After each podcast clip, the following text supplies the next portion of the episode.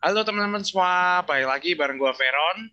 Dan kali ini ada host baru lagi nih di podcast Biliar HI. Kenalan dulu yuk sama Iksan Alif. Halo Ron, halo semua, halo Kanita, halo Kak Regina. Ya, Halo. Mantap sekali. Nah, eh, tadi udah sebutin ya eh, kedatangan siapa, siapa aja nih, Lip, yang di podcast kali ini. Ini tuh ada Kak Anita eh, selaku eh, Ketua HIMHI tahun 2018 dan Wakil Ketua HIMHI sekarang yaitu Kak Regina. Nah, mantap sekali. Disapa dulu dong, sapa lagi dong, sapa lagi dong. Ditanya Hai hai hai. Halo. Ih, kurang semangat ih. Halo. Nah, Hai. nah semangat Kayak dong. gini loh. Itu baru semangat HIMHI. Asik, semangat Himi. Kayak, kayak gimana tuh semangat Himi tuh? Wah, semangatnya harus membara. Oke, oke.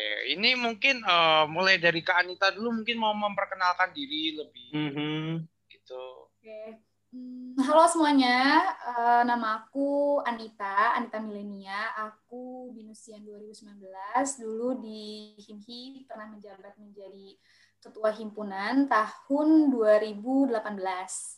Saat ini aku kerja eh, untuk Departemen Foreign Affairs and Trade-nya Australia. Gitu. Sebelumnya terima kasih ya untuk teman-teman himpunan udah mau mengundang aku. Aku selalu merasa bangga dan senang. Sama-sama Kak. Tentunya juga kehormatan lah buat kami Hmm. bisa dapat apa ya, dapat Kak Anita sebagai pembicara di sini di podcast kami itu luar Karena biasa. waktunya sibuk Ron. Karena Iya, waktu sibuk dia banget. pasti sibuk dong, Kak Anita loh. Ya kali nggak sibuk, ya kan? Gitu. Oke, kalau gitu, eh, halo Kak Gina, mungkin mau memperkenalkan diri lebih serius lagi, lebih jauh lagi, gimana? Oke, Eh, halo semuanya. Eh, perkenalin nama gue Regina. Eh, gue binusian 2022, sekarang lagi semester 5, lagi semester magang, dan sekarang lagi magang di Kementerian Pendidikan dan Kebudayaan Republik Indonesia. Dan di Waduh. Sekarang ini, iya, di HIMPI sekarang ini gue menjabat, eh, diberikan tanggung jawab untuk menjabat sebagai Wakil Ketua Himpunan HIMPI 2020. Terima kasih. Oh ya, terima kasih ya udah diundang buat di podcast ini dan makasih Kak Anita udah mau jadi narasumber uh, di podcast ini juga. Wih. Kayak gini, kayak gini nih. Ini udah udah wakil ketua HIMI periode sekarang, anak buahnya Nadiem Makarim kurang keren apalagi coba ini semuanya Oh podcastnya pecah kalau kayak gini fix. Pendidikan banget. Gemeter, Cocok gemeter, emang. gemeter, gemeter. Keren, keren, keren. keren. Pendidikan banget. Oke, terus eh, kita langsung mulai ke pertanyaan pertama Iya. aja kali ya, biar kita nggak perlu cincong-cincong basa-basi lagi gitu. Kita sebenarnya mau nanya nih sama Kak Anita sama Kak Gina ini, menurut kalian tuh sebenarnya himi itu apa sih? Eh, himi itu bagian eh, bagi kalian tuh eh, maknanya tuh apa gitu? Cara keseluruhan gitu. Yes, mungkin dimulai dari eh, Kak Anita dulu kali ya, Kak Anita dulu silakan. Oke.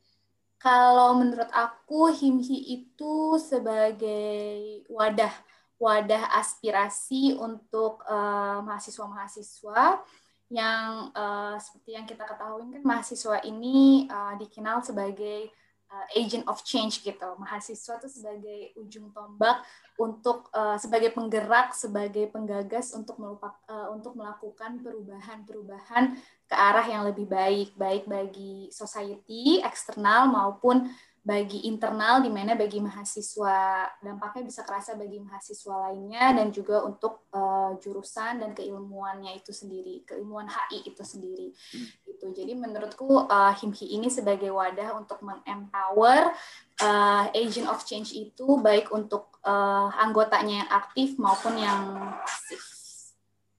Gitu. Sedap, sedap. Emang emang Sedap, kalau yang ngomong oh, mantan eh ma- apa ya? Mantan ketua ya, mantan ketua betul. 2018 tuh berat gitu loh, Lip. Kayaknya wah, aku juga sampai otakku tuh mendidih dengernya. Emang keren banget Iya. ya cara jelasin. Artinya tuh mendalam sekali. Bener-bener menusuk kalbu ya. Bener. Oh, Enggak, bener kalau ya? tuh kalau untuk orang-orang yang di Rukia, hati ke hati dong. Oh, gitu ya. Emang jadi ini hati hati kita ngomong sama hatinya Kak Anita ya kalau ini. Iyo, Oh. Ido. dapat Kita sebagai sama anggota ya kan keluarga Himhi harus dari hati ke hati. Asik, urusan hati ini loh emang. mau lulusan dari tahun pertama sampai sekarang kalian masih jadi mahasiswa semuanya tuh keluarga Oh, Ih, asik. Emang Oh. Himhi harus kayak gitu kan Himhi nggak ada obeng, Himhi nggak ada obeng. Bener-bener ini banget loh, ini loh. Asik. Nggak ada obeng emang Don. Emang nggak pernah salah Obeng. kita masuk tuh. Obengnya nggak ada nih, obeng-obeng, obeng. Iya, nggak ada obeng.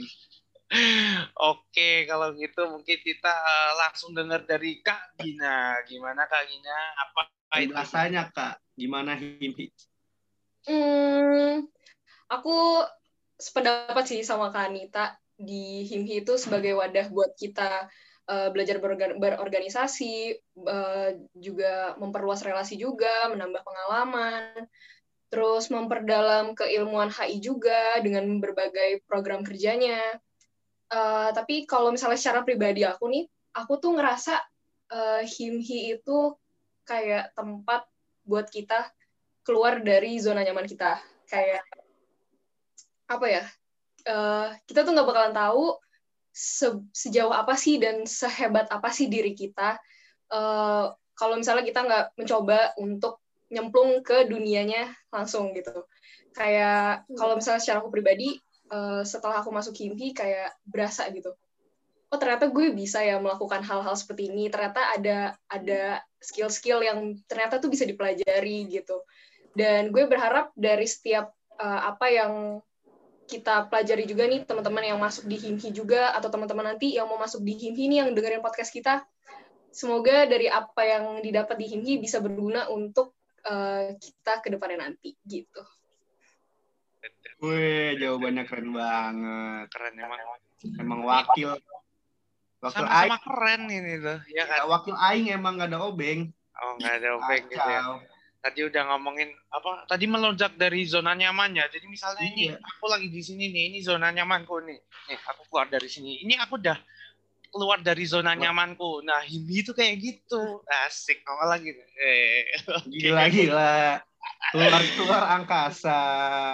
eh aku boleh nambahin gak sih Boleh oh, boleh dong. tapi aku tuh setuju soalnya uh, apa dari jawabannya Regina aku tuh setuju banget karena kan ini kan dari perspektif Regina sebagai mahasiswa gitu ya sekarang saat ini di himpunan.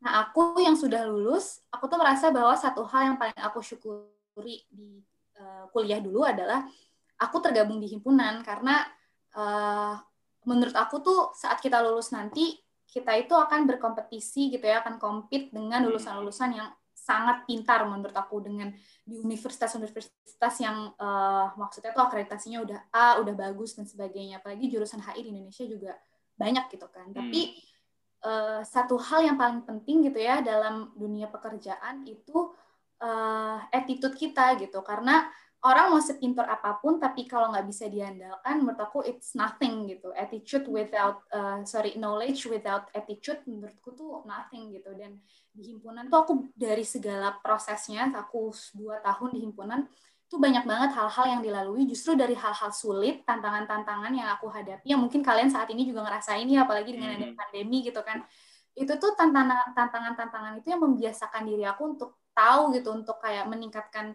bagaimana daya kritis aku terus bagaimana cara solving the problem yang menurut aku tuh sangat sayang gitu untuk dilewatkan sebagai mahasiswa untuk nggak merasakan pengalaman itu jadi kalian orang-orang yang beruntung sih untuk bisa masuk himpunan. Hmm. Luar biasa, luar biasa beruntung. Apalagi kalau wakilnya kayak Kak Gina gini. Gina. Ah, Wakil ketuanya dulu Kak Anita juga. Hmm. Ah, Kita saling lempar Jemput lemparan ya. Masuk Dibaper Regina. Regina masuk sekali. keren nih, keren, keren. Oke. Nah kak, aku mau lanjut nanya nih kak. Buat Kak Anita dulu deh. Program kerja apa aja sih kak yang dulu pas Kak Anita jalanin ketika masih ada di HIMHI? Itu apa aja? Selama, selama pengurusan kakak. sama apa? Selama eh, masa kepengurusan kakak tuh apa aja proker yang udah kakak kerjain? Oke. Uh, kalau misalnya kita kan tahu ya kalau misalnya program itu kita harus ada yang namanya pengabdian masyarakat, terus abis itu untuk dari sisi uh, akademisnya sama uh, apa capacity development untuk himpunan itu sendiri maupun untuk mahasiswa yang lain. Aku ada sama ya sama bonding bonding ya bonding bonding hmm. mahasiswa sama antar mahasiswa dan jurusan. Nah, uh, kalau aku itu mungkin kurang lebih sama sih kayak uh, sebelum-sebelumnya ada yang namanya pengabdian untuk masyarakat, terus juga waktu itu prokernya itu buka bersama dengan anak-anak uh, apa anak-anak yang kurang mampu yang ada di uh, jalanan, terus habis itu untuk kita juga ada untuk level internasionalnya kita ada kerjasama sama AIPA itu untuk adanya uh, apa kayak MUN tapi ini versi uh, tingkatan DPR-nya, tingkatan parlemennya gitu. Di mana kita mengundang uh, mahasiswa dari uh, 10 negara, 10 negara Asia Tenggara itu kita datengin juga untuk mereka saling berkompetisi, terus juga kita ada yang namanya seminar dan sebagainya, workshop, terus kita juga ada passage to ASEAN. Waktu itu kita ke Rangsit University di Thailand, level internasionalnya, sama Hmm, kita juga untuk level nasionalnya kita ada Beer Fest, Binus International Relation Festival, waktu itu juga ada Binus MUN. Terus kalau misalnya untuk klub-klub yang di bawah Himhi itu kan juga uh, ini ya apa keluarga Himhi juga untuk hmm. Birds itu juga banyak banget lomba-lomba yang dari level internasional maupun nasional, terus juga dari FPCI. Waktu itu di aku uh, di kepengurusan aku aku um, inisiasikan untuk adanya eh, FPCI chapter BINUS. Waktu itu juga sama Willy, Willy yang jadi ketua FPCI-nya sama Patrick. Terus akhirnya kita membuat FPCI dengan program-program kayak Tea Time with Diplomacy, terus juga uh, workshop, uh, seminar sama diskusi-diskusi tentang HI, terus juga kita di bawah ada satu keluarga lagi namanya IRB, IRB News, itu ada training-training terkait dengan jurnalistik, bagaimana cara membuat berita, terus juga uh, bagaimana cara memediakan uh, HI, kayak gitu sih. Gitu. Untuk wow. capacity buildingnya kita juga uh, ada capacity buildingnya biasa ada LDK waktu itu LDK di puncak. Terus eh sorry di Sentul. Terus kita juga ada um, bonding kayak apa? Aku lupa apa tuh namanya yang acara hura-hura binus. Silma. Uh, Silma ya acara hura-hura. Hura-hura. Acara berkumpul makrab-makrab makrab yang ada konser-konsernya. Tuh buat Kanita nih uh, event yang buat Kanita tuh memorable selama masa kepengurusan ini itu apa? Yang mana? Yang paling gitu? Semuanya ya. Kan semuanya kan emang memorable, cuma memorable ya. Iya, makanya ini semuanya, tapi uh, yang paling memorable. Hmm. Paling memorable itu semua ada bagian-bagian memorablenya ya, cuman hmm. LDK sih maksudnya kalau misalnya dilihat dari segi prestasi mungkin ada kayak AIPA AIPA hmm. kita bisa dari segi prestasi kita prestasinya itu kita bisa mendatangkan levelnya kita tingkatin jadi internasional bisa mendatangkan negara-negara lain maupun MUN dan sebagainya tapi kalau hmm. yang paling memorable menurutku tuh LDK karena di situ tuh antara mahasiswa antara aktivis calon aktivis sama kita pengurus itu tuh tempat kita bonding gitu loh yang hmm. itu di situ value terbesar sih dari himpunan gitu karena uh, di situ tuh kita sama-sama baru naik jadi kepengurusan terus di situ tempat kita bonding dari calon aktivisnya juga kita bonding juga terus kita ngelakuin capacity building ke calon aktivisnya terus uh, apa kerasa banget sih kekeluargaannya tuh di situ pada saat LDK kita disentul kita nginep beberapa hari dari pengurusnya nih jadi panitia dari mulai proses untuk LDK-nya di mana kita nginep lah terus kita uh, apa rapat sampai malam dari pagi ketemu pagi lagi gitu. Ditambah kita belum terlalu deket. Jadi proses-proses itu sih yang menurutku tuh sangat memorable dan uh, ibaratnya dari 100% gitu ya kepengurusannya pengurus aku 98% masih aktif kan kalian tahu lah apa yeah. namanya seleksi alam gitu ya hmm. pasti akan ada sampai akhir tuh pasti akan ada yang berkurang di situ tuh bener-bener bondingnya kerasa banget sih ih seru banget tuh. Aku juga inget waktu itu kak, aku ikut LDK pas angkatan aku. Kan? Capek banget kak, asli. Feren rasain nggak Ron? Eh, aku ngerasain, aku ngerasain itu loh, pegel-pegel loh, aduh. Wah, tidur pagi ya Ron ya? Iya, aku tidur, aku tidur malam bangun pagi dengan nyenyak gitu kan, nggak ada beban apa-apa. Sangat capek ya? Kalian tuh waktu itu eh, kalian yang LDK-in kan dapat nggak kalian yang LDK-in? Eh, enggak kayaknya. Oh karena udah ya, udah terlanjur COVID. Iya.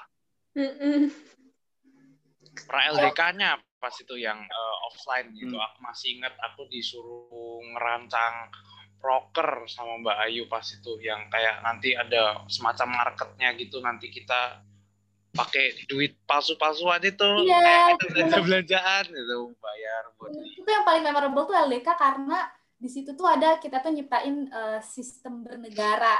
Sistem bernegara Hmm. namanya dunia HI di mana mata uangnya jadi pada saat LDK di villa kalian eh, seakan-akan menjadi warganya dunia apa negara HI terus kalian pakai mata uang itu terus gimana cara kita diajarin untuk survive diajarin untuk Ah, bertahan iya, iya. politik gitu diajarin berkehidupan politik gitu jadi kayak simulasi berpolitik di situ Hmm. dapat banget sih di LDK itu.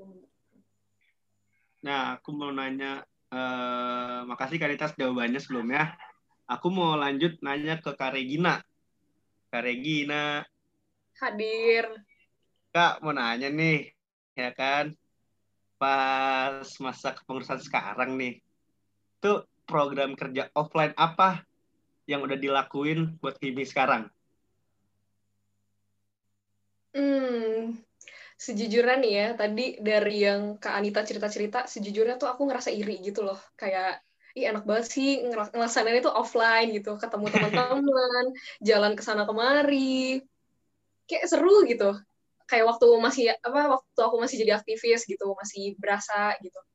Tapi semenjak pas uh, awal tahun 2020 tiba-tiba ada COVID gitu kan.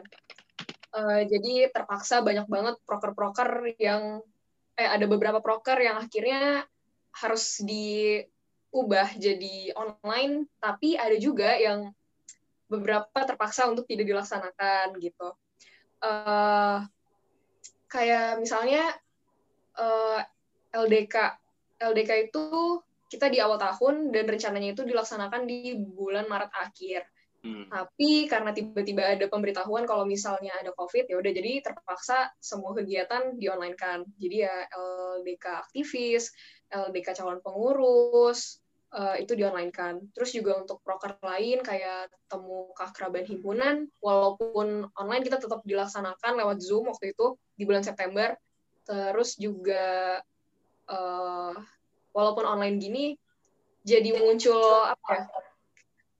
beberapa inovasi kayak misalnya kita akhirnya ada yang bikin podcast gini lah, ada yang kita bikin webinar tentang human rights waktu itu ngundang dosen-dosen dari binus, terus juga apalagi ya eh, beer fest kita beer fest kita laksanakan secara online, terus muncul juga ide untuk bikin campaign hari batik eh, lewat Instagram, Eh, itu sih sama benchmarking juga kita ngelaksanain juga gitu.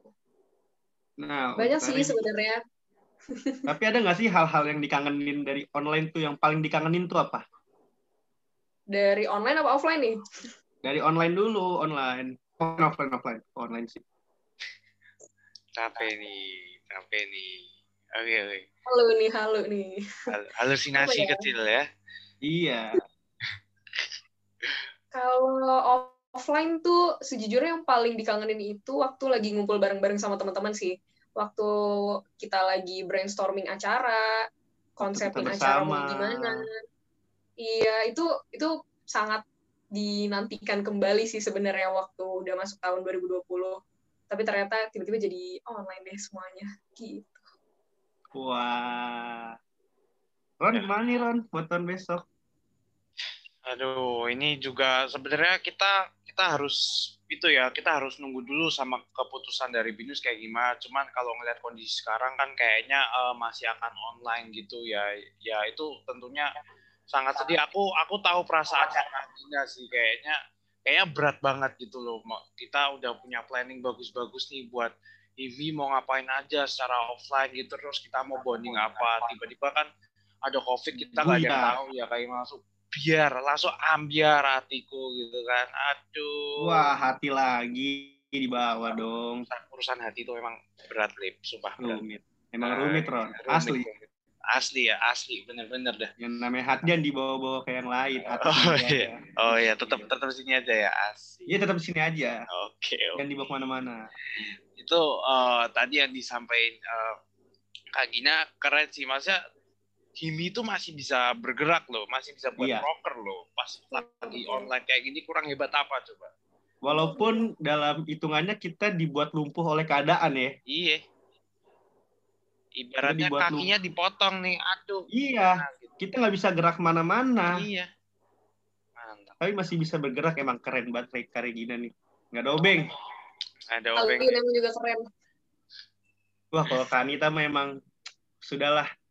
Nggak usah Saya angkat tangan. tuh. Udah nih udah selesai nih sudahlah. Waduh, Oh, nggak enggak, gitu. belum, belum, belum. Jangan, banyak jangan gitu dong. Kak. Jangan gitu dong, Kak. Tapi aku sepakat sih karena aku kan juga suka mantengin IG-nya Himhi kan dan Mhm. maksudnya eh, karena adanya COVID ini menurutku Himhi itu semakin inovatif gitu, semakin bisa beradaptasi dengan eh, COVID ini dengan adanya muncul ide-ide baru. Kayak sekarang ada yang namanya podcast yang dulu tuh mungkin kita nggak terpikirkan kali ya untuk kayak mendigitalisasi program-program yang sih Me- karena kita mikirnya eh, kayaknya nih eh, kalau misalnya offline atau ketemu langsung mungkin akan lebih enak atau Hmm. ya jadinya jujur kalau misalnya di kepenguranku untuk misalnya eh, apa mempromosikan himhi di media sosial atau apa kita tidak memfokus tidak terlalu memfokuskan itu gitu walaupun udah mulai udah mulai ke arah online.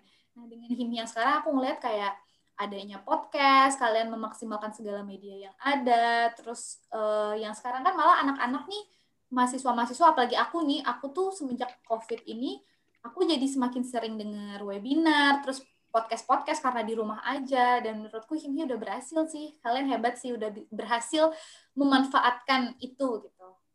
Memanfaatkan normalan ini. Adem dengernya gitu ya. Ya gak, Kak? Aduh, Kayak gitu. aduh. Adem asli. Adem banget.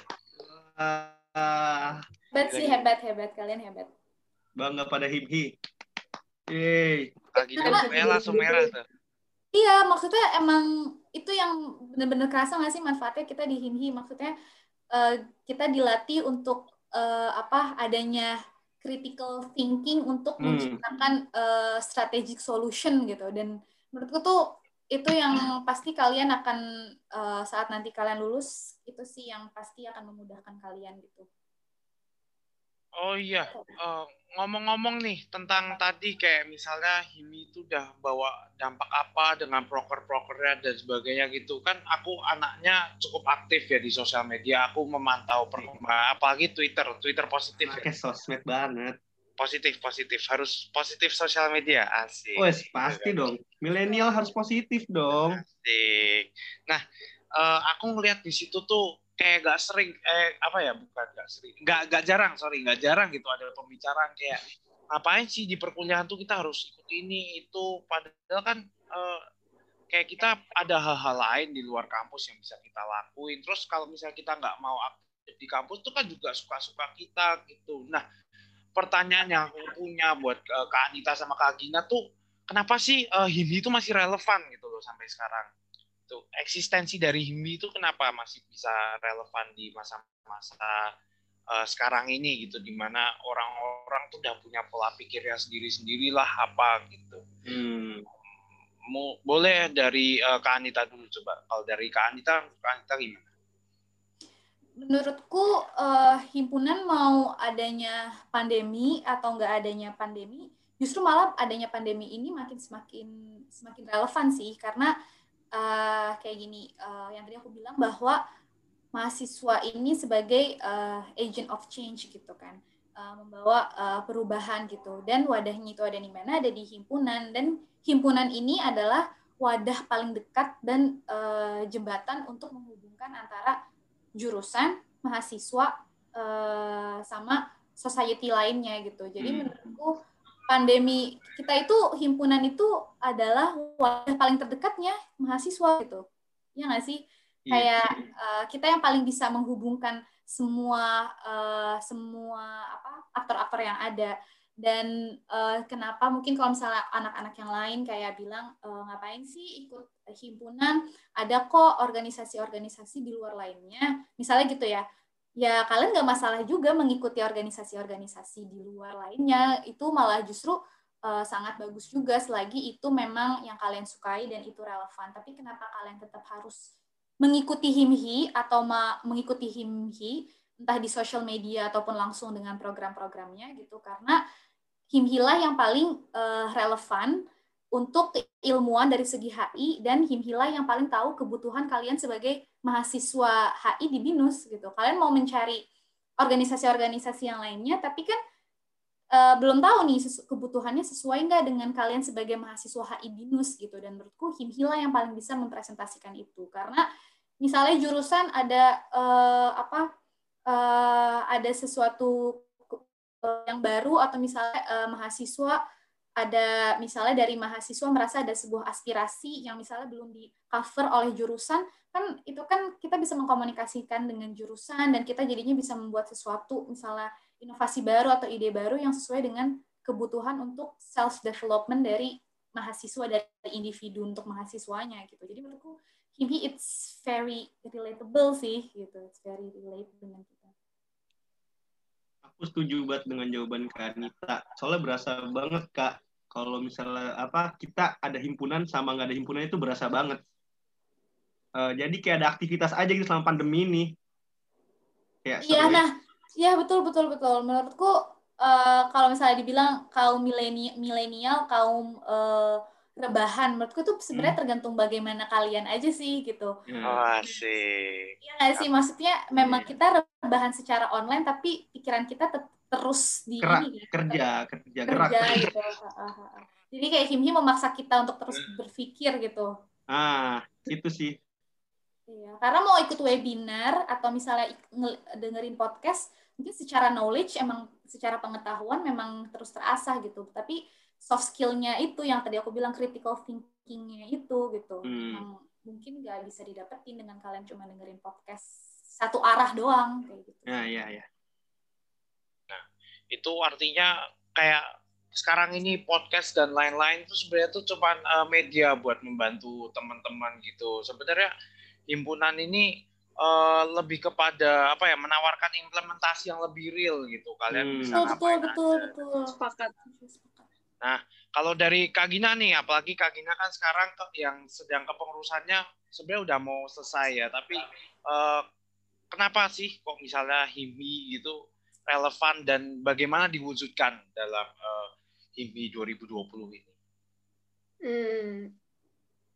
Uh, aku sepakat sih juga tadi sama apa namanya pendapat dari Kak Anita kalau misalnya uh, dari HIMI-nya sendiri memang apa namanya sebagai wadah dan juga kita kan juga lebih spesifik ke HI Binus gitu. Jadi memang aspirasi yang disampaikan oleh teman-teman uh, itu memang ditampungnya di HIMHI Binus dan untuk uh, masyarakat uh, eh, HI Binus juga gitu. Dan tadi juga sempat mention juga kan uh, setidaknya kalau misalnya kita ada kita ikut himpunan uh, ataupun organisasi lain pun uh, itu sebenarnya memang itu pilihan dari pribadi masing-masing karena yang apa namanya uh, himpunan dan organisasi segala macamnya itu memang sebenarnya adalah wadahnya saja. Dan kita itu tergantung dari kita sendiri kita mau belajar seperti apa. Nah uh, tadi kan juga apa tuh dimention juga kalau misalnya uh, selama pandemi kan kita di rumah aja jadi nggak ngapa-ngapain lah atau uh, ya gabut-gabut goleran doang di kasur gitu. Nah kalau misalnya dengan ada himhi ya kita tetap uh, apa ya soft skill kita dan otak kita juga terpacu untuk terus apa ya berpikir, berinovasi dan mencari kesibukan yang setidaknya uh, yang pasti uh, bermanfaat juga buat kita. Makanya jadi menurut aku Himki itu masih sangat banget banget relevan uh, mau sampai kapan pun itu sih karena memang ini tuh kebutuhannya itu buat mahasiswanya juga dan yang pasti skill-skill yang didapatkan itu juga sangat penting untuk ke depannya nanti. Sedap, sedap. Memang Panjang ya. kacau kacau. Dengerinnya tuh bikin adem gitu. Ternyata aku nggak salah ikut organisasi gitu selama ini. Bener banget. Yang keluar orangnya hebat-hebat kayak ada Kak Gina, ada Kak Anita, terus ada Kak siapa lagi tuh ada Kak Bona mungkin ya kalau di luar di luar podcast ini tuh banyak banget eh, alumni-alumni dan eh, pengurus-pengurus HIMI itu yang hebat. Bahkan yang ada di sini Kak Talita aja juga nggak kalah hebat gitu kan asik. Ya Kak, itu itu kameranya mati tuh senyum-senyum tuh asik. Kak, asik. itu Talita senyum-senyum aja nggak gerak-gerak. ngepris ya, ngepris kalau ini kayak. Giginya kering gitu tau. Aduh. Tapi Ron, Ron, Iya. gue mau nanya nih ya kan sama Kak Anita. Kak, boleh tolong jelasin gak nih dinamika atau sistem kerja HIMHI di masa kepengurusan Kak Anita sendiri? Apa? Mui, ketika di lainnya Kak, bisa tolong jelasin nggak? Oke, sebelum masuk pertanyaan itu sebenarnya tadi aku mm, mau bilang makasih juga sama himpunan karena tadi kalian bilang himpunan tuh masih relevan gak sih di pandemi ini gitu. Hmm. Karena menurutku aku mau nambahin kenapa masih relevan karena aku pun yang bukan sebagai mahasiswa yang tidak tergabung di himpunan, tapi dengan aku hanya memfollow social medianya himpunan, itu ibaratnya aku kayak update tentang eh, apa perkembangan-perkembangan HI, berita-berita HI yang bahasanya itu sederhana dan mudah dimengerti gitu. Hmm. Jadi aku mau makasih juga dengan kalian udah mau apa ya, udah mau memaksimalkan social media HI di Instagram karena kayak itu sangat memudahkan aku gitu. Baik bagi orang yang bukan eh, HI Binus maupun aku nih yang sekarang udah jadi alumni, aku cuma ngeliat social medianya Instagram, ngeliat story. Oh, ini ya. Oh, sekarang gini. Kayak misalnya ibaratnya oh Joe Biden menang, oh Trump, oh gini ya kebijakannya. Jadi aku nih terupdate gitu karena adanya HI dan itu kerennya gitu. Masih menurutku tuh masih sangat relevan. Emang keren banget dia humas HI itu. iya nih yang senyum-senyum aja nih. Keren. Dia humasnya emang mantep banget gitu. Terus eh, jawab pertanyaan tadi apa aja dinamika dinamika saat di Hmm. HI ya Ya. eh di himpunan dari segi apa nih dinamikanya karena kayaknya lebih sampai- ke itunya sih kayak eh, kan kalau di zamannya Kak Anita kan emang itu full offline ya sedangkan Hmm. kalau eh, Kak Gina nih mungkin Hmm, hmm. kasihan harus banyaknya online gitu kira-kira eh, kalau yang terjadi di Kak Anita tuh dinamikanya sistem kerjanya itu offline. kira-kira kayak gimana? Kalau aku itu setiap pembuatan proker mungkin kita pastikan eh, setiap angkatan ada tantangannya sendiri ya. Dan eh, sebelum pada saat eh, aku nih di sebelum pandemi ini eh, apa mengadakan program-program offline, mungkin dinamikanya itu di masalah eh, biaya kali ya, cost. Yang menurut aku sekarang mungkin lebih cost efektif saat eh, apa lebih cost efektif saat pandemi saat ini. Mungkin pertama itu eh, karena kita kita harus yang namanya nyari dana setiap mengadakan eh, proker kayak gitu. Terus mencari eh, kita mempromosikan gimana nih eh, kita nyari eh, audience untuk misalnya kita mengadakan workshop atau seminar yang mau nih misalnya acaranya datang ke kampus kayak gitu. Terus juga kita eh, dinamikanya dari segi kepengurusan, dari segi kepengurusan juga eh, dengan jadwal yang segitu padat dan bedanya di setiap mahasiswa, gimana cara kita bisa tetap eh, rapat meluangkan waktu untuk kita eh, membuat apa? Untuk kita brainstorming, untuk kita rapat, membuat proker, ngomongin eh, masalah himpunan gitu. Terus juga eh, dinamikanya saat offline itu eh, untuk pembuatan proker kayak misalnya saat kita misalnya mengundang narasumber saat kita mengundang narasumber itu lagi-lagi biaya ya gimana nih kita mau mengakomodasi mengakomodasi narasumbernya kayak gitu. Terus dengan eh, kita mikirin apakah biaya yang sudah kita keluarkan impactnya itu eh, sebanding nggak dengan eh, apa yang sudah kita keluarkan cost and benefitnya dalam membuat proker kayak gitu. Itu sih dinamika-dinamika membuat proker offline yang menurutku tantangan-tantangan itu mungkin bisa eh, lebih di apa bisa justru menjadi peluang untuk kalian ya angkatan kalian gitu yang saat ini lebih banyak online-nya kan menurutku eh, karena shifting dari offline ke online ini jadi banyak membuka banyak banget peluang gitu dan benefit yang dirasakan sama himpunan kalian.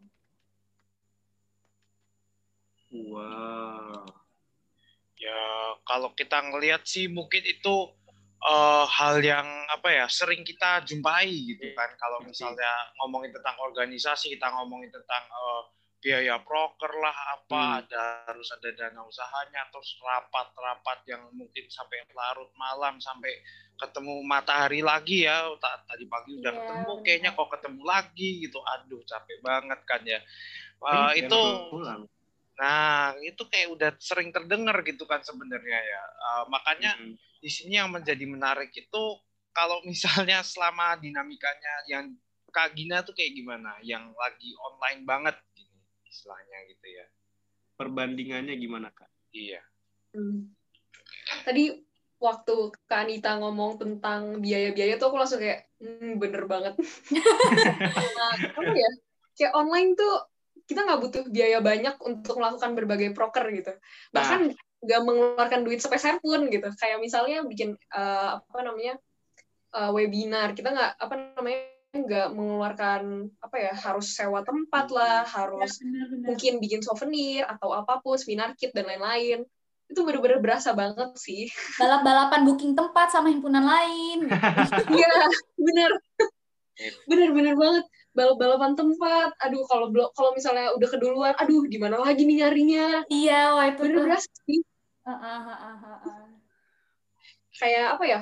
Mungkin kayak waktu aku TKH tahun lalu gitu. Uh, aku kan sempat jadi sekretarisnya nih TKH tahun 2019 kemarin. Uh, ngerasain banget uh, yang apa namanya harus nyari tempat lah. Booking kijang lah segala macam terus yeah. juga iya. bendahara aku waktu juga pusing. Aduh ngurusin uang registrasi dan lain-lain beli konsumsi segala macam berasa banget sih ya jadi tapi kalau iya kenapa tuh nggak apa nggak jadi maksudku adalah uh, ternyata kita punya ini ya peluang dan tantangannya sendiri gitu di online. Iya. Hmm. Iya. Nah, tapi kalau di kita sendiri nih ya, secara dinamika yang online-nya sendiri itu menurut aku uh, tantangannya juga cukup menantang karena teman-teman masing-masing pada di rumah. Uh, sedangkan biasanya kita ketemu di kampus, kalau misalnya mau nyari tinggal samperin aja ke kelasnya atau tanya nih ketemu temen tiba-tiba uh, papasan ketemu sini enggak, lihat sini enggak, kan gampang gitu ya tinggal nyamperin. Nah, sedangkan teman-teman yang sekarang secara online banyak yang balik ke rumahnya, beda pulau, jauh-jauhan, jadi mau komunikasi lewat telepon pun uh, kadang kita nggak bisa berekspektasi untuk harus fast respon banget gitu karena hmm. mungkin mereka ada urusan sendirilah di rumah itu cukup menantang sih karena ya dinamikanya di masalah komunikasi yang harus dipertahankan hmm. gitu. Tapi koneksinya kalau itu iya koneksi kalau lagi rapat tiba-tiba suaranya hilang lah, suaranya kayak robot lah, aduh. Robot. udah ngaco banget sih. Iya. Tapi kalau untuk kelebihannya sih ya, ya itu tadi yang sempat kita bahas sebelum-sebelumnya, jadi ada apa ya, menuntut kita untuk berinovasi sih, uh, untuk menyesuaikan dan beradaptasi dengan uh, situasi dan kondisi sekarang gitu. Oke. Okay. Berarti corona ada plus minusnya juga ya Ron ya buat himpunan ini? Iya, uh, kalau misalnya kamu uh, ikut rapid itu nanti juga dinyatakan kamu positif apa negatif itu. Jadi corona secara dampaknya pun juga kayak gitu. Nah, tadi aku, aku sempat tertarik nih kayak ngomongin tentang uh, inovasi gitu ya. Nah inovasi yang ada di masa-masa lagi pandemi kayak gini uh, HIPI harus beradaptasinya kayak gimana gitu uh, kira-kira uh, buat Kak Gina nih uh, salah satu apa ya yang Kak Gina anggap sebagai inovasi ter apa ya terbaik atau terbarunya dari HIPI di masa pandemi ini apa sih? Yang uh, mungkin nggak harus signifikan kali ya tapi itu udah cukup uh, cukup berbeda cukup baru daripada biasanya. Apa ya ada beberapa sih menurut aku. Kayak misalnya uh, ini salah satunya bikin podcast terus ya ini kan cukup memanfaatkan uh, digitalisasi kan ya terus juga campaign Hari Batik itu menurut aku juga menarik banget karena dari campaign Hari Batik pun kita bisa apa ya memperluas uh, koneksi eksternalnya HIMHI dengan himpunan-himpunan lain yang nggak cuma di BINUS aja tapi juga uh, himpunan dari ya UI lah, dari Unpad dan lain-lain segala macamnya. Uh, itu sih menurut aku yang cukup menarik dan inovatif juga. Hmm, oke oke. Audiensnya jadi lebih luas ya. Iya. Nah, uh, gimana uh, tanggapannya Kak uh, Anita gimana nih ngelihat uh, sebenarnya kalau misalnya lagi online kayak gini ini kira-kira Kak Anita tuh punya ekspektasi apa sih terhadap ini yang sekarang kayak mereka tuh harusnya mungkin bisa buat apa dan sebagainya gitu. Mungkin ada bayangan gitu. Uh, yang tadi aku sempat bilang kalau misalnya uh, mungkin ekspektasinya adalah uh, mahasiswa uh, apa anggota-anggota himpunan itu, itu pertama yang harus uh, dirubah mindsetnya adalah melihat ini sebagai hal yang positif gitu ketimbang yang negatif. Karena aku melihat aku juga kan saat kerja aku juga awalnya nih sekarang nih aku kan yang tadi aku cerita kalau aku tuh sebenarnya lebih sering ke lapangan bertemu dengan petani melakukan sosialisasi dan sebagainya. Dan aku merasakan sendiri gimana sih nih sulitnya shifting dari offline ke online. Menurutku itu tantangannya cukup luas gitu ya. Tantangannya cukup banyak. Tapi ternyata uh, seiring berjalannya waktu semakin bisa beradaptasi dengan adanya perubahan ini. Jadi uh, apa di pekerjaanku saat ini gitu aku merasa banyak banget justru ide-ide yang bisa yang bisa muncul karena adanya pandemi ini. Yang aku harapkan uh, mahasiswa-mahasiswa, anak-anak himpunan juga bisa merubah dari merubah tantangan merubah tantangan menjadi uh, sebuah opportunity menjadi sebuah peluang buat menambah value yang ada di himpunan gitu. Jadi menurutku pandemi ini justru menambah banyak value yang bisa uh, ditambah dari himpunan. Kayak saat mengadakan kegiatan audiens kalian menjadi lebih luas, terus levelnya juga semakin meningkat. Misalnya yang tadinya kalian saat offline hanya bisa mengadakan program-program yang uh, mungkin audiensnya di ruangan cuma bisa 50 orang atau kalian ekspektasinya 100, ternyata yang datang cuma 80 gitu. Mungkin sekarang audiensnya bisa lebih luas lagi gitu dan mungkin kalian bisa memanfaatkan itu dengan menciptakan uh, apa proker-proker yang mungkin bisa uh, mencangkup audiens yang lebih luas juga gitu. Terus bisa uh, apa uh, meng apa ya mensosialisasikan HI secara lebih luas. Apalagi sekarang dari segi keilmuan HI kan kalau orang-orang dengar HI itu kayaknya berat banget lah baca berita HI itu kayak berat banget HI itu sebuah apa ya jurusan yang kayak menguras tenaga saat membaca berita. Kayak aduh gue pusing nih baca berita internasional.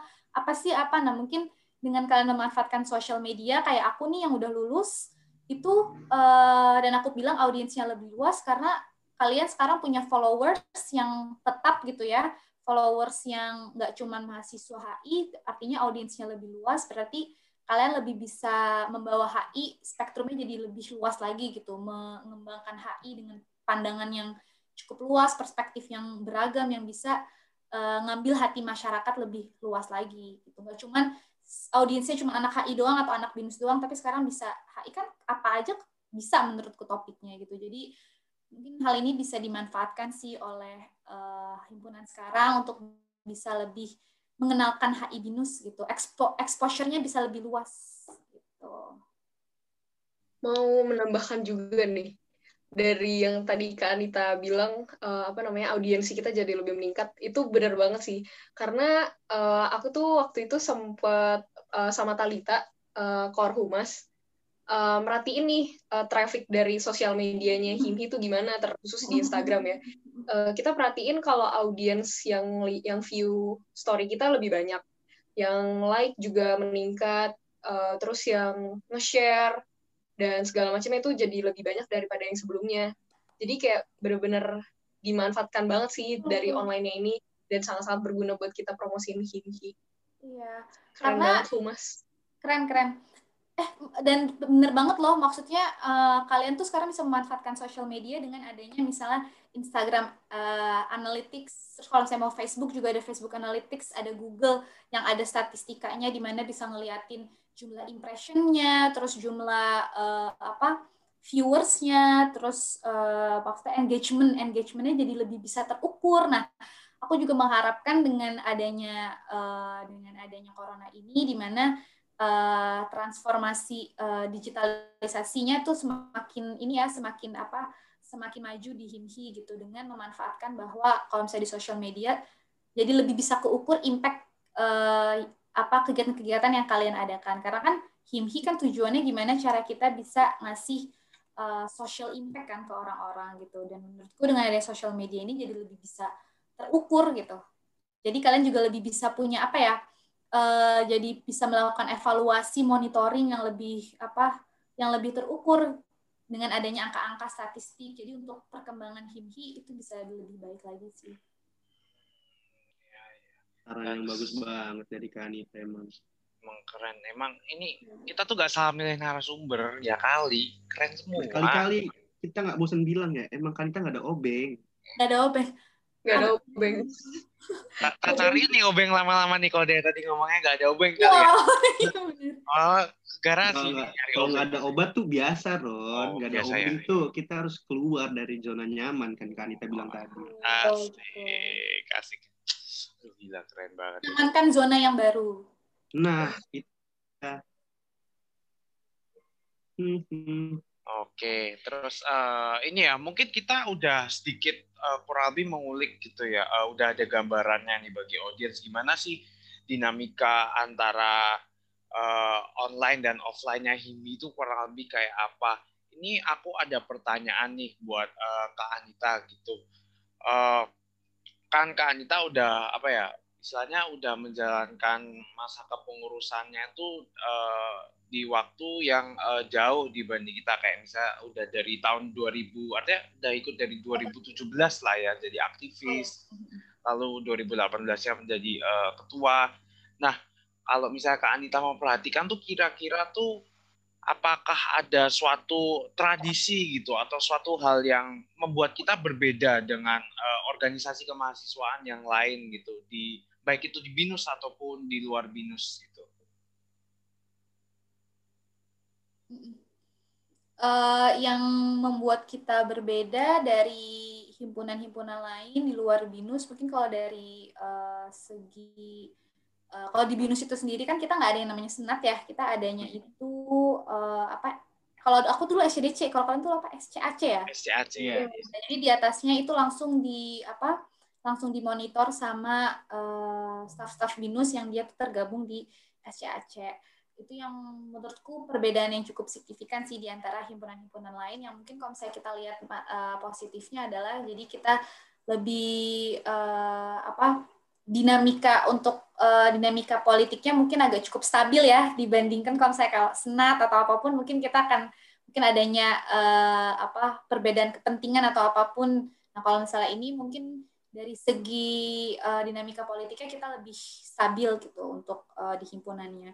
Terus kalau apa yang membedakan kita sama uh, himpunan lain itu uh, aku setahu aku uh, di hanya di Himki yang sampai uh, himpunan-himpunan lain tuh dulu waktu itu himpunan yang ada Udayana itu sampai benchmark di Jakarta waktu di angkatanku karena pengen tahu uh, gimana sih Himhi ini punya tiga klub di bawah himpunan. Nah menurutku ini sesuatu sesuatu yang seksi banget sih, sesuatu yang seksi di mana kita itu nggak cuma himpunan tapi di bawahnya tuh ada klub-klub tiga klub ini yang uh, kita coba untuk memfasilitasi, memberikan mereka wadah bahwa oke okay, kalau misalnya kalian dari segi organisasi kalian tidak terlalu berminat, tapi kita nggak mau nih hanya melimitasi dari yang orang-orang membatasi orang-orang yang nggak terlalu berminat di keorganisasian, tapi kalian misalnya punya potensi lain yang itu sesuai dengan jurusan kayak misalnya makanya diadakan yang namanya birds gitu kan. Karena sebagai anak HI kita nggak jauh-jauh lah dari yang namanya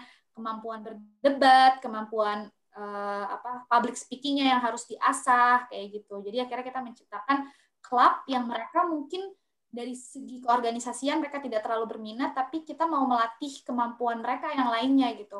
Lo punya apa nih? Lo bisa berdebat gitu dari si akademis sangat pintar gitu. Oke, kita uh, memfasilitasi dengan adanya Birds yang bahkan dimentor langsung oleh dosen gitu. Itu juga yang menjadi nilai plus kita di mana jurusan dan himpunan ini sangat apa ya kolaborasinya nih sangat baik gitu. Karena mentor birds aja yang melatih dosennya itu sendiri gitu. Terus yang kedua ada yang namanya IRB kita melihat bahwa HI uh, eh, hubungan internasional di mana isunya sangat beragam. Terus juga uh, apa ya isunya sangat beragam dengan isu-isu internasional di mana mungkin banyak mahasiswa-mahasiswa yang punya potensi untuk uh, apa di jurnalis, di jurnalistik atau di media yang mungkin punya uh, potensi untuk uh, yang suka nulis kayak gitu-gitu. Nah, terus waktu itu kenapa yang mendorong aku membangun FPCI, FPCI chapter BINUS karena aku merasa bahwa kita butuh banget nih banyak banget relasi.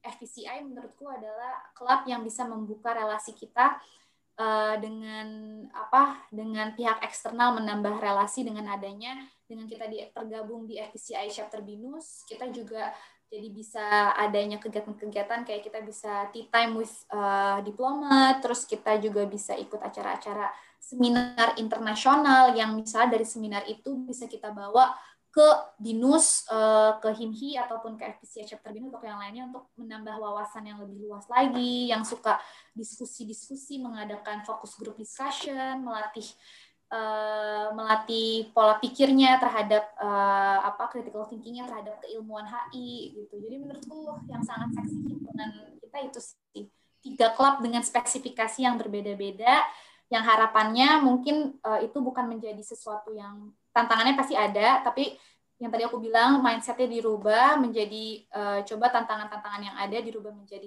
peluang kita uh, kita himpunan yang seksi kita beda dari yang lain kita bisa mengcover segala hal banyak hal gitu ya. Jadi uh, semoga itu bukan sebagai ajang kompetisi karena baik dari himpunan dari segi himpunannya di bawahnya kita sebagai payung di bawahnya ada klub-klub justru kita saling terintegrasi dengan baik dengan kemampuan yang berbeda-beda spesifikasi yang berbeda-beda untuk menciptakan uh, apa meningkatkan keilmuan HI terus juga uh, kita dapat membawa impact yang lebih baik lagi untuk mahasiswa sih. Ya itu uh, menarik banget sih. Uh, kayak kita selalu ditekankan bahwa di apa di HIM ini kita tuh punya beso beso yang bener-bener semua beso kita tuh juga kece-kece. juga kece kece-kecenya parah sih parah kacau. Aku tuh aku tuh selalu apa ya? Aku tuh selalu mengadmire anak-anak Birds, FPCI, IRB itu soalnya kayak mereka tuh apa ya? Mereka tuh punya suatu keahlian yang apa ya? Yang istilahnya tuh aku nggak miliki gitu loh. Kayak misalnya hmm. uh, anak-anak Birds itu kan uh, pada jago-jago tuh ya MUN-nya, debatnya apa. Aku kadang iri gitu. Aku kapan bisa kayak gitu ya? Jawabannya uh, ikut ya ikut bird sekali ya gitu kan jawabannya biasanya gitu kan terus Memang, uh, itu sih mungkin ya yang uh, apa aku harapannya juga ke Himhi yang sekarang maupun selanjutnya itu uh, lebih tahu bahwa uh, peran masing-masing itu seperti apa dan lebih saling mendukung karena kalian tuh punya perannya masing-masing yang justru ya kayak Indonesia aja gitu Indonesia diverse dengan keunikannya masing-masing. Ya semoga itu juga yang uh, bisa di, lebih dirasakan sama himpunan bahwa walaupun mereka BSO tapi mereka tergabung ke dalam satu himpunan gitu. Kita himpunan yang punya uh, apa yang kita di emang dari segi struktur kita di atas mereka tapi bukan berarti maksudnya kita sebagai yang mau ngatur-ngatur atau misalnya otoriter atau apa segala macam tapi kita karena di atas mereka kita yang me ngemong mereka untuk memaksimalkan potensi-potensi yang ada. Karena anak-anak himpunan mereka yang ngerti organisasi mereka yang punya apa uh, punya skill untuk lebih bisa bagaimana sih cara mengkaderisasi anak-anak BSO BSO ini sehingga dengan fungsi dan perannya masing-masing dari segi organisasinya BSO ini jadi lebih kuat lagi gitu untuk menjalankan kegiatan-kegiatannya gitu, yang dimonitor oleh himpunan. Berarti Ron prinsipnya sama aja kayak kakak yang ngomong adenya Ron. Oh gitu ya.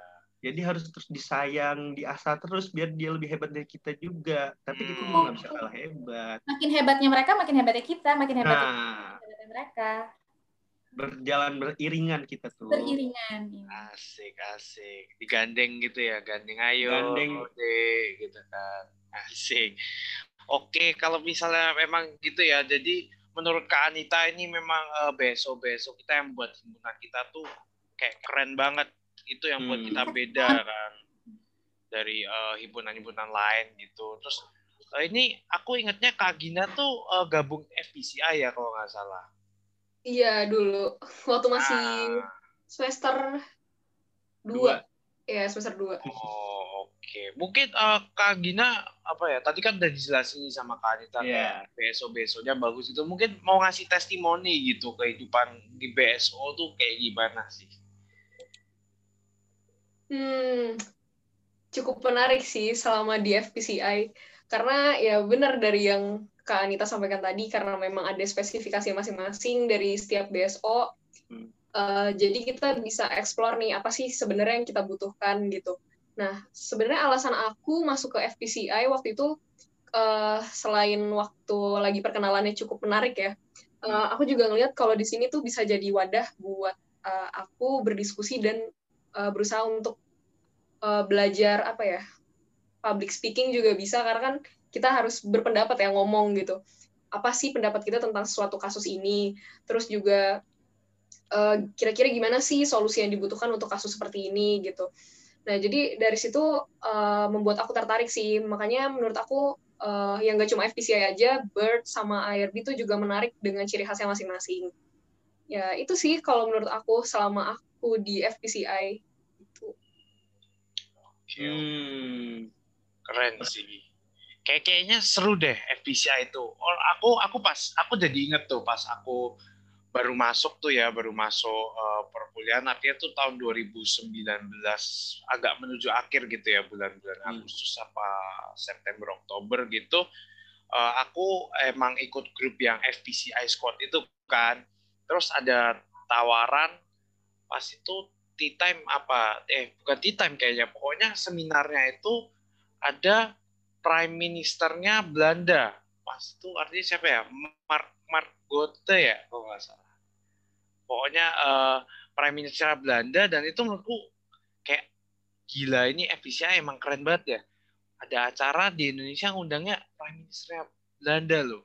Kayak rasanya ya itu kan setara dengan eh, petinggi-petinggi kayak eh, Pak Joko Widodo gitu kan jadi kayak wah emang emang BSO kita tuh bisa membawa hal itu di, dikasih kesempatannya ke anak-anak HI binus itu bener-bener ekstra ekstra wakacau lah itu wakacau abis Extraordinary.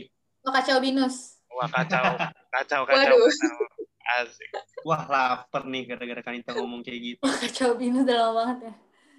aduh oke Anyway, anyway nih buat Kak Gina, aku mau nanya nih Kak, eh, dari yang tadi Kak Anita udah jelasin, apakah BSO BSO itu masih jalan beriringan dengan HIMHI dalam masa online sekarang nggak? masih dong. Harus harus masih. Dan kondisi itu sekarang kayak Karena- gimana? Eh, ya. Hmm. Setiap apa ya salah satunya setiap eh, kegiatan yang dari HIMHI ingin lakukan kayak misalnya Beer Fest terus Hmm. juga waktu itu di bulan September kita kan sempat dapat apa ya eh, kesempatan dari jurusan untuk melaksanakan savoir faire yaitu kegiatan untuk menyambut mahasiswa HI BINUS gitu Hmm. jadi kita eh, mungkin kalau Veron inget tahun lalu ada apa namanya short diplomatic course terus ada gastro diplomasi ya tahun lalu tuh. ya Nah tahun ini kita bikin beberapa juga tapi beda dari yang tahun lalu.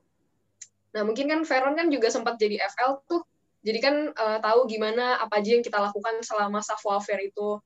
Nah itu sih di di kedua program itu di Beerfest sama savoir faire ini kita berusaha untuk eh, ngajak juga teman-teman BSO buat partisipasi, buat jadi panitia untuk bantu bentuk substansinya juga gimana program ini bisa berjalan gitu.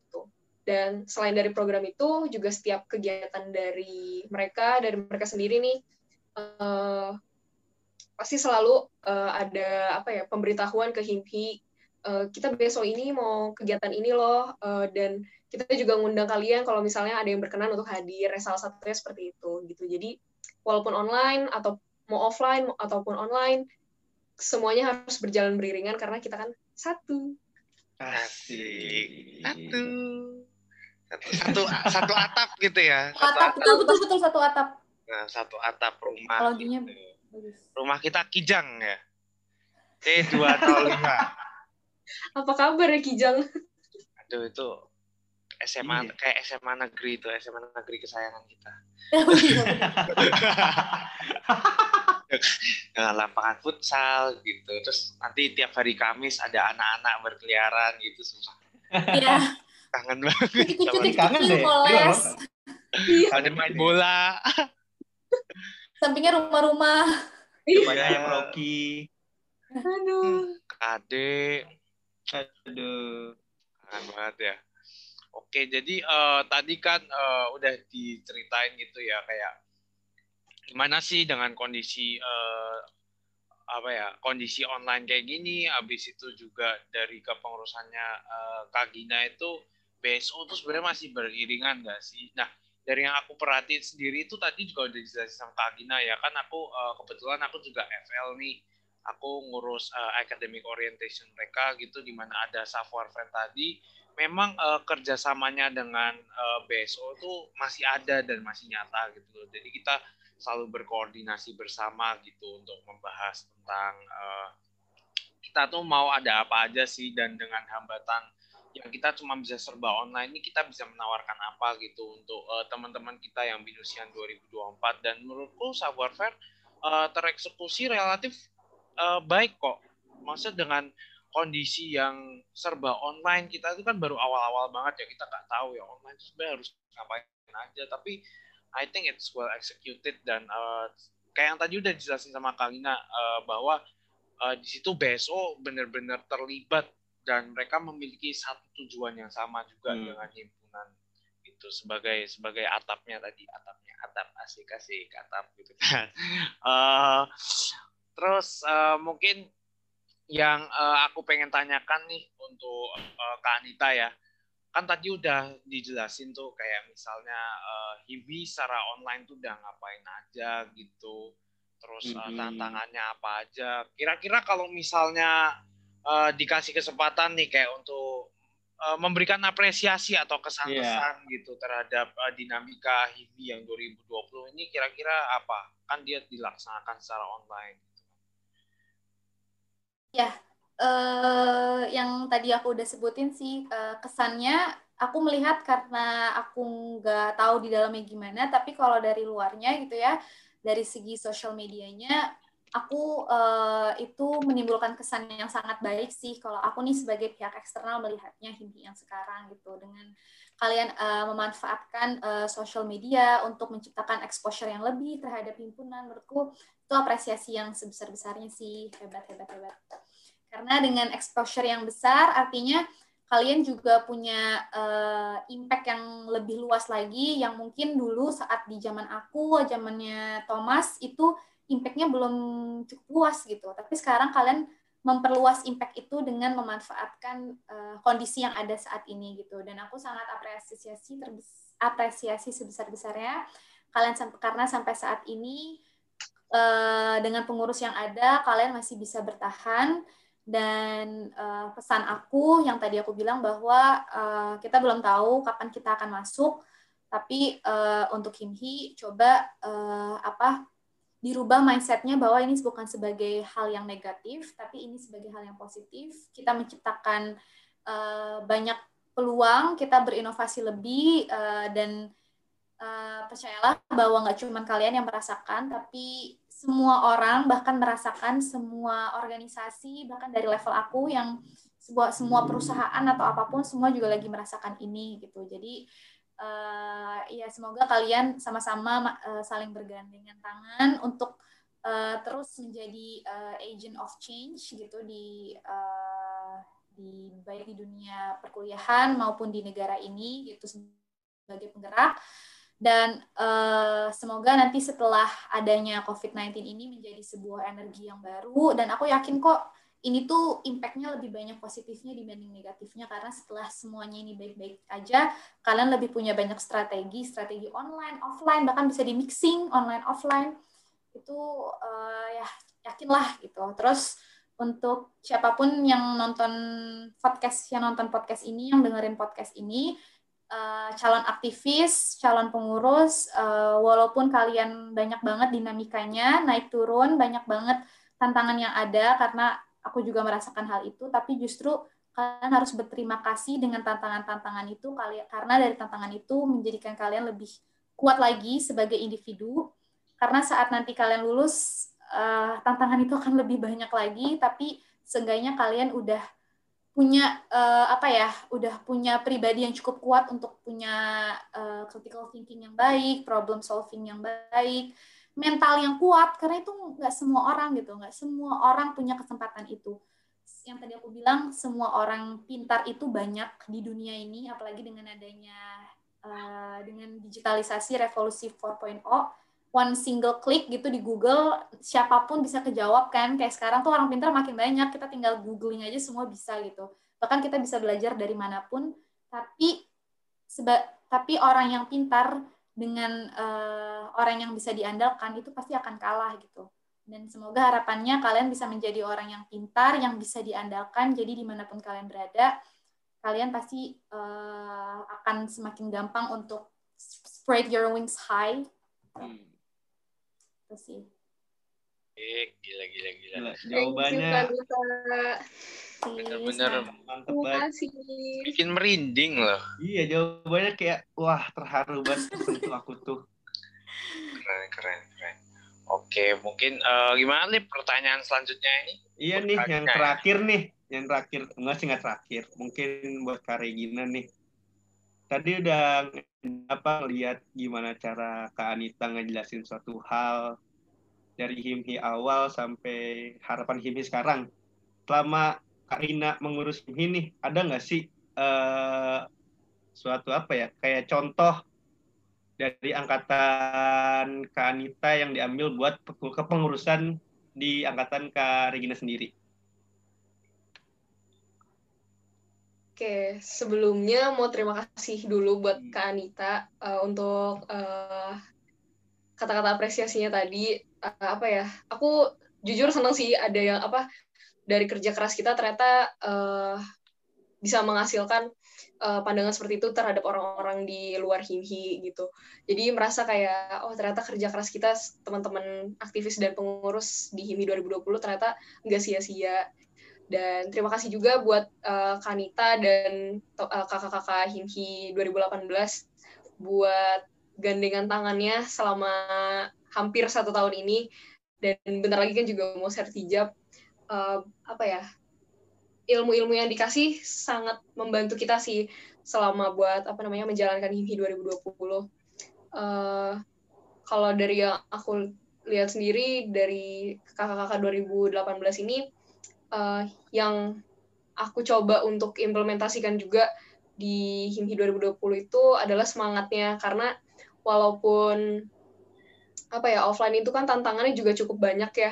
Kita juga Eh, nggak uh, tahu juga dan unpredictable banget deh pokoknya uh, setiap apa yang mau dihadapi gitu.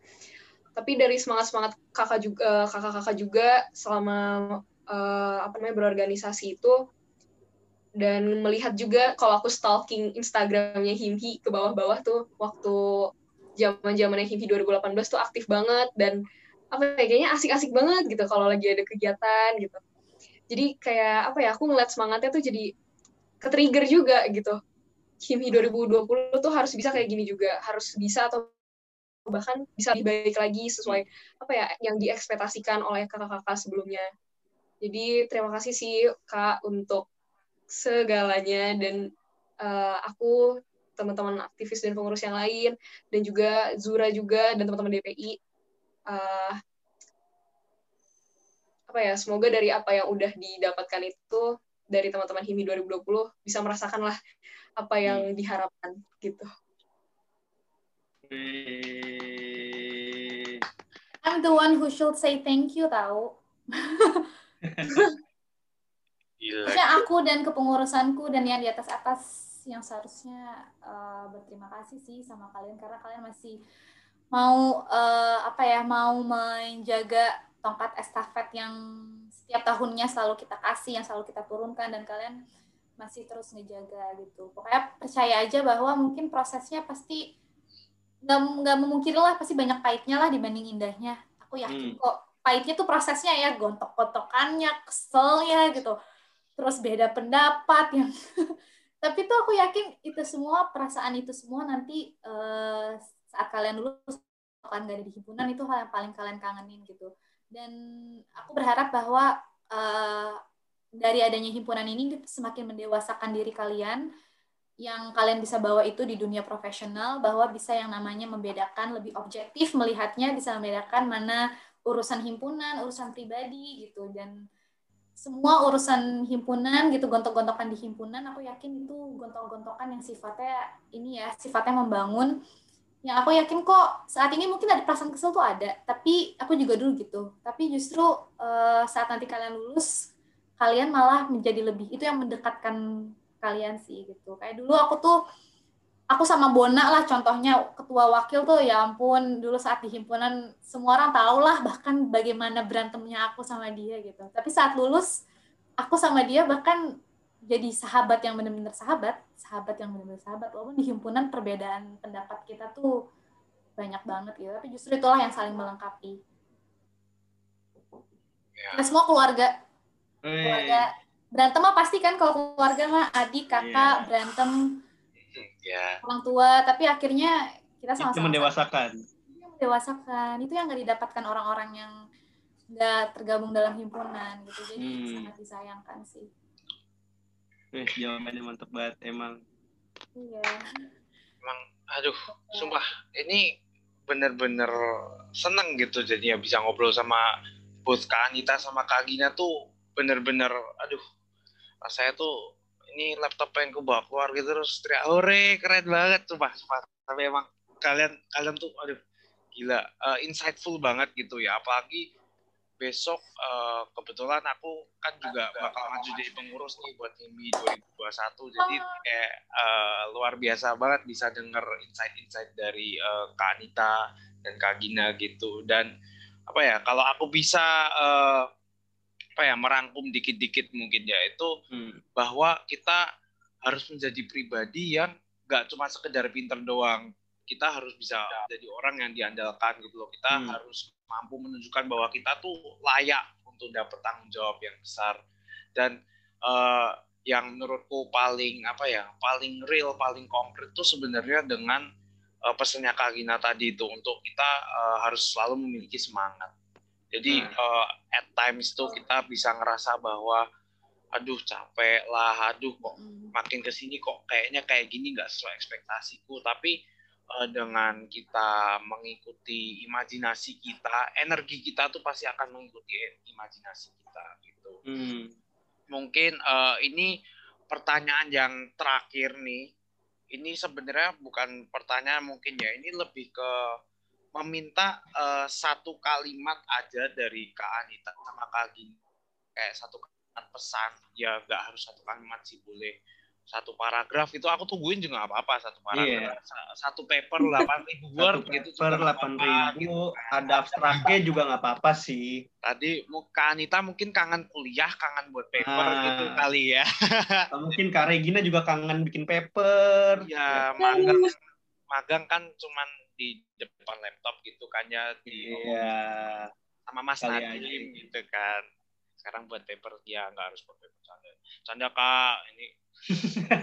Pakahimku ntar aku tiba-tiba diapain nggak tahu kan gitu nggak deng. Diculik diculik. Dicapetin namanya dicapet iki lo iki lo iki lo.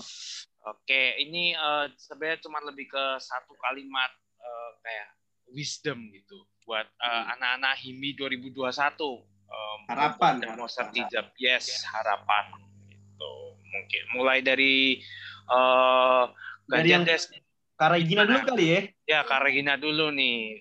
Berhubung Wakahimnya sekarang nih. Ya sih. Hmm, apa ya? Satu kalimat aja ya? Hmm. Boleh, boleh, boleh, boleh, boleh. Satu kalimat, satu paragraf boleh. Oke, oke. Okay. Apa ya? Kalau dari aku sih yang pasti uh, buat uh, teman-teman Himhi 2021 nanti di saat kalian uh, berorganisasi di saat kalian yang memimpin kepengurusan himhi nanti uh, jangan lupa untuk selalu dengar lalu dukung dan sama-sama lakukan untuk kepentingan bersama karena kalian di himpunan itu nggak sendiri ada banyak tapi kalian bekerja untuk satu tujuan yang sama. Jadi semangat. Wih. Makasih Kak Gina atas dukungannya. Thank you, thank you, thank you. Nanti siap laksanakan. Selanjutnya untuk Ibu Ketua dipersilakan ya, memberikan pesan-pesan. Ya, penyemangatan, wisdom. Hmm. Penyemangatan. Berarti kalian tahun depan sudah sertijab Januari ya. Kemungkinan berarti kalian udah masuk nih transisi dari uh, COVID yang mungkin kalau tahun depan udah vaksinnya, mungkin kalian lebih bisa ya mengadakan kegiatan-kegiatan offline.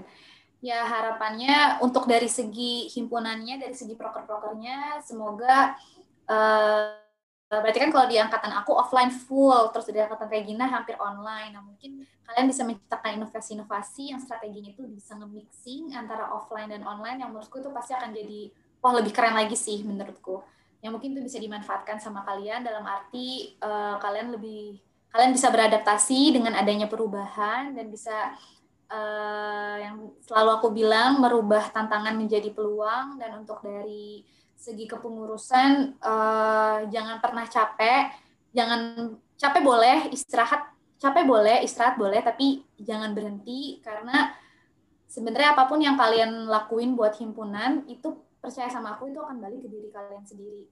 Baliknya itu bagaimana diri kalian terbentuk dari eh, tantangan-tantangan uh, yang ada di himpunan gitu. Jangan pernah uh, nyerah kalau misalnya wah udah deh ini himpunan kayaknya maksudnya worst case-nya ya in any himpunan gitu, in any organisasi kayaknya kayaknya udah nggak bener nih, kayaknya udah apa. Justru jangan taken for granted gitu. Jangan cuman mau uh, enak-enaknya aja atau ngerasa kayak udah makin nggak bener atau apa justru itu yang uh, menurutku yang kalian harus lebih semangat lagi semakin adanya tantangan semakin adanya masalah kalian lebih semangat lagi karena at the end itu semua manfaatnya balik ke kalian bukan ke himpunan gitu. Kalian akan lepas dari himpunan.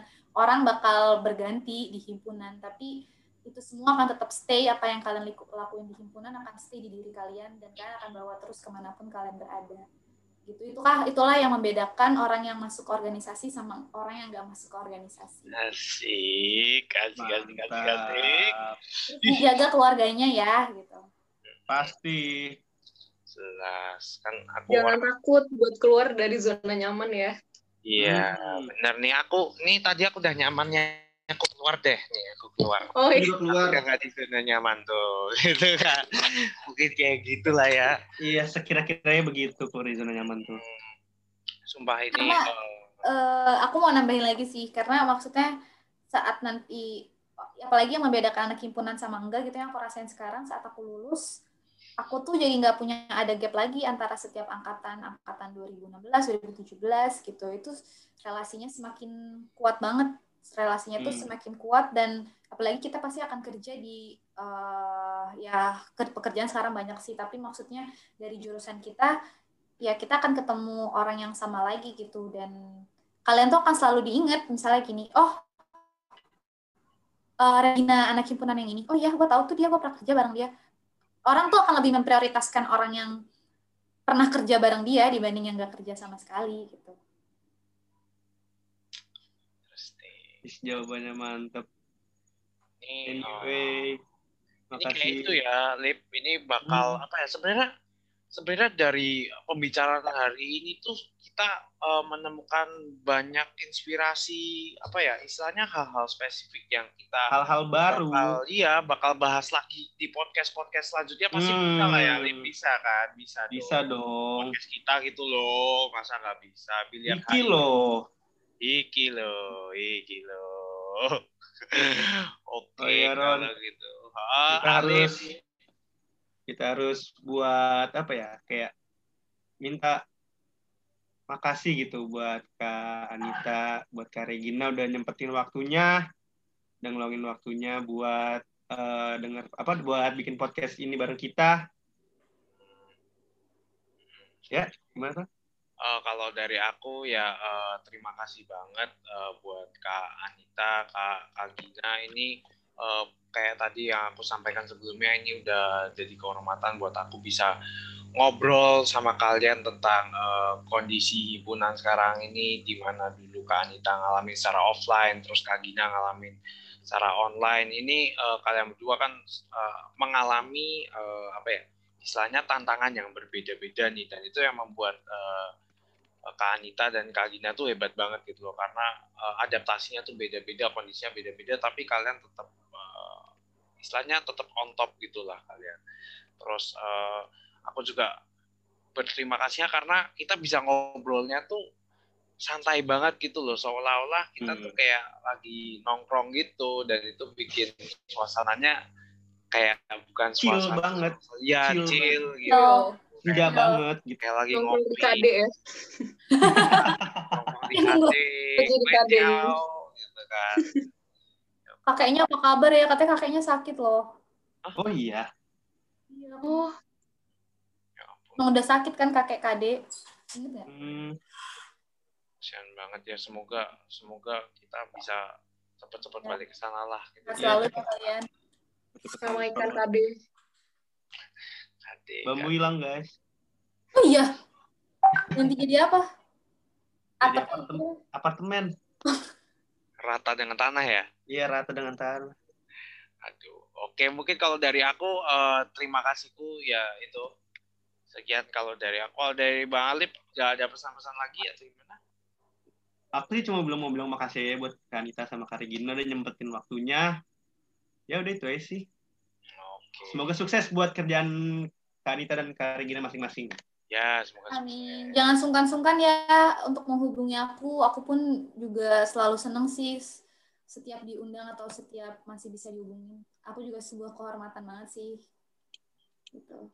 Aku juga orangnya nggak nggak sungkan-sungkan kok kak jujur kak iya tahu kok Veron tahu tahu kok Veron agak agak kelihatan gitu ya kadang kadang kayak ngeludak gitu banyak permintaan gitu kali ya kak ya pesanku juga sih untuk uh, kalian pengurus yang sekarang dan pengurus yang nanti jangan pernah sungkan dan takut untuk ke alumni karena uh, kita tuh akan sangat senang dan bahkan sangat welcome setiap kalian tuh mau nanya-nanya atau misalnya mau menghubungi kita kita sangat senang karena saat ini apa yang eh, saat ini kita berada nih sekarang posisi kita di kerjaan atau di mana pun itu nggak terlepas dari uh, apa apa yang himpunan kasih ke kita gitu. Jadi kita juga nggak mungkin lah lupa dan nggak mungkin ngelupain adik-adik kita gitu sejauh apa pun angkatannya. Jadi jangan pernah ngerasa sungkan karena kita sangat sangat sangat welcome.